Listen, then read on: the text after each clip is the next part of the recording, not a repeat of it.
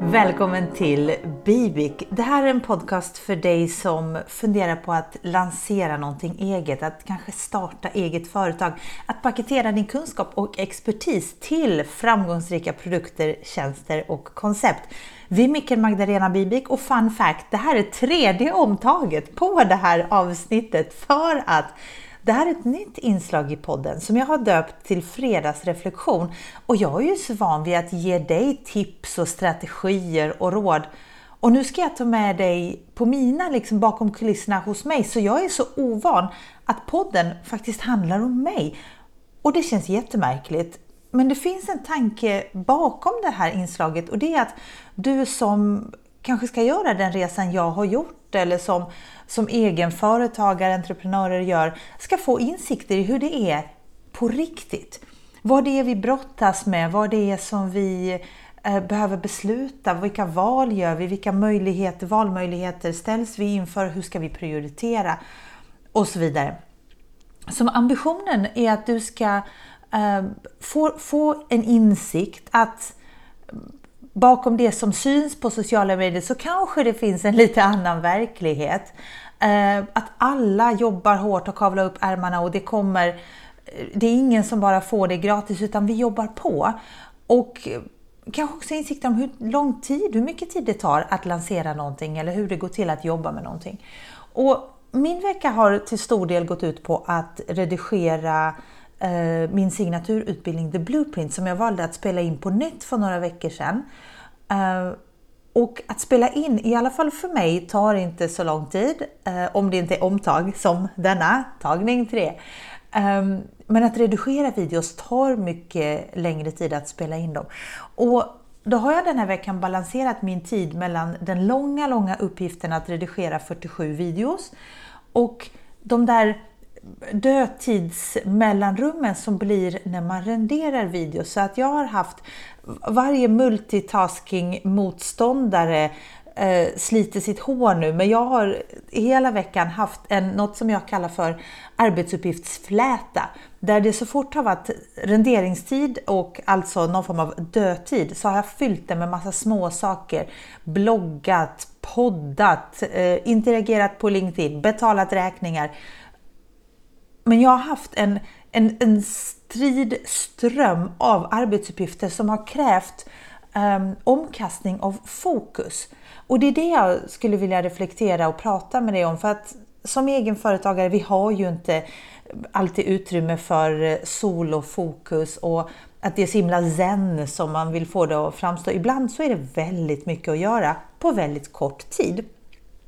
Och Jag menar inte att min strategi är rätt för dig, men jag skulle vilja att du hittar en strategi som är rätt för dig. För mig är det här eh, rätt när jag vet att okej, okay, nu ska den här uh, iMovie-filen renderas. Då går jag in och skriver anteckningarna till eh, den här videon eller så skriver jag den här podden. Jag publicerar den här texten på det här stället och att man liksom kastas eh, omkring de där programmen som man då jobbar i samtidigt.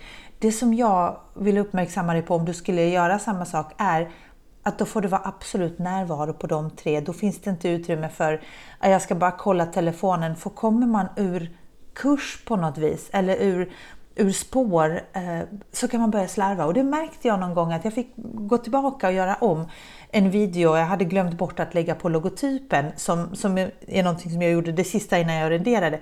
För att jag kanske pillade på min telefon eller kollade Instagram eller vad det nu var. Jag vet inte om jag rekommenderar den här arbetsmetoden till att man har en arbetsuppgiftsfläta.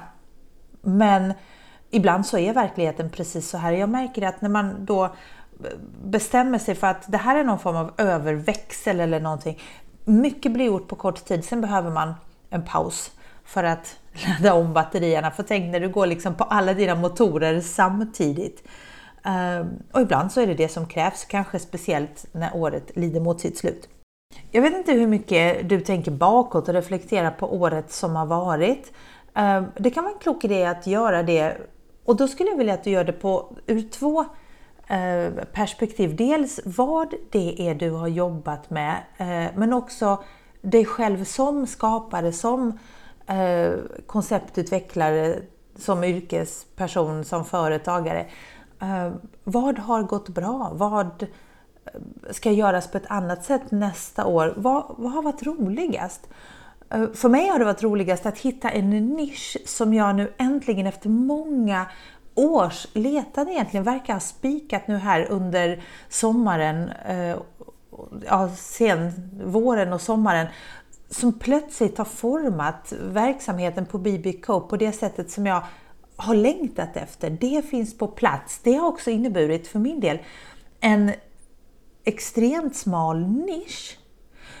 Vilket gör att jag erbjuder en ytterst specifik tjänst till en ytterst specifik kund. Jag vet att många människor är, är ganska rädda för att nischa sig för att det stänger ju vissa dörrar och, och, och det begränsar. Man kanske tycker att fler saker är kul och så vidare.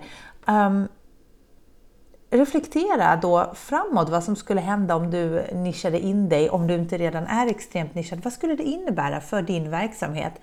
Uh, för något av det som jag är mest glad och tacksam över det är just det här att den här nischen har blivit tillräckligt smal så att jag ska kunna prata med exakt rätt målgrupp.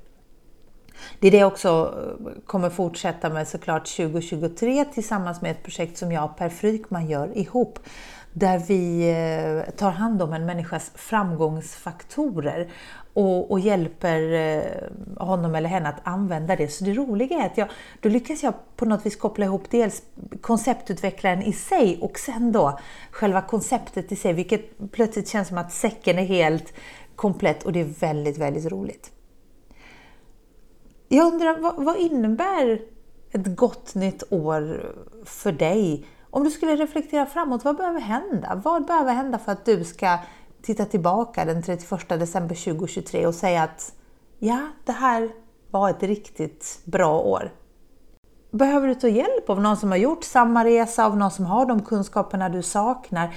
Passa på att boka det här. Jag menar inte med detta boka mig, men passa på att boka de här människorna på en gång när året börjar för att så att du inte missar, så att de inte blir fullbokade, så att du gör det du behöver för att ditt år ska bli riktigt, riktigt bra.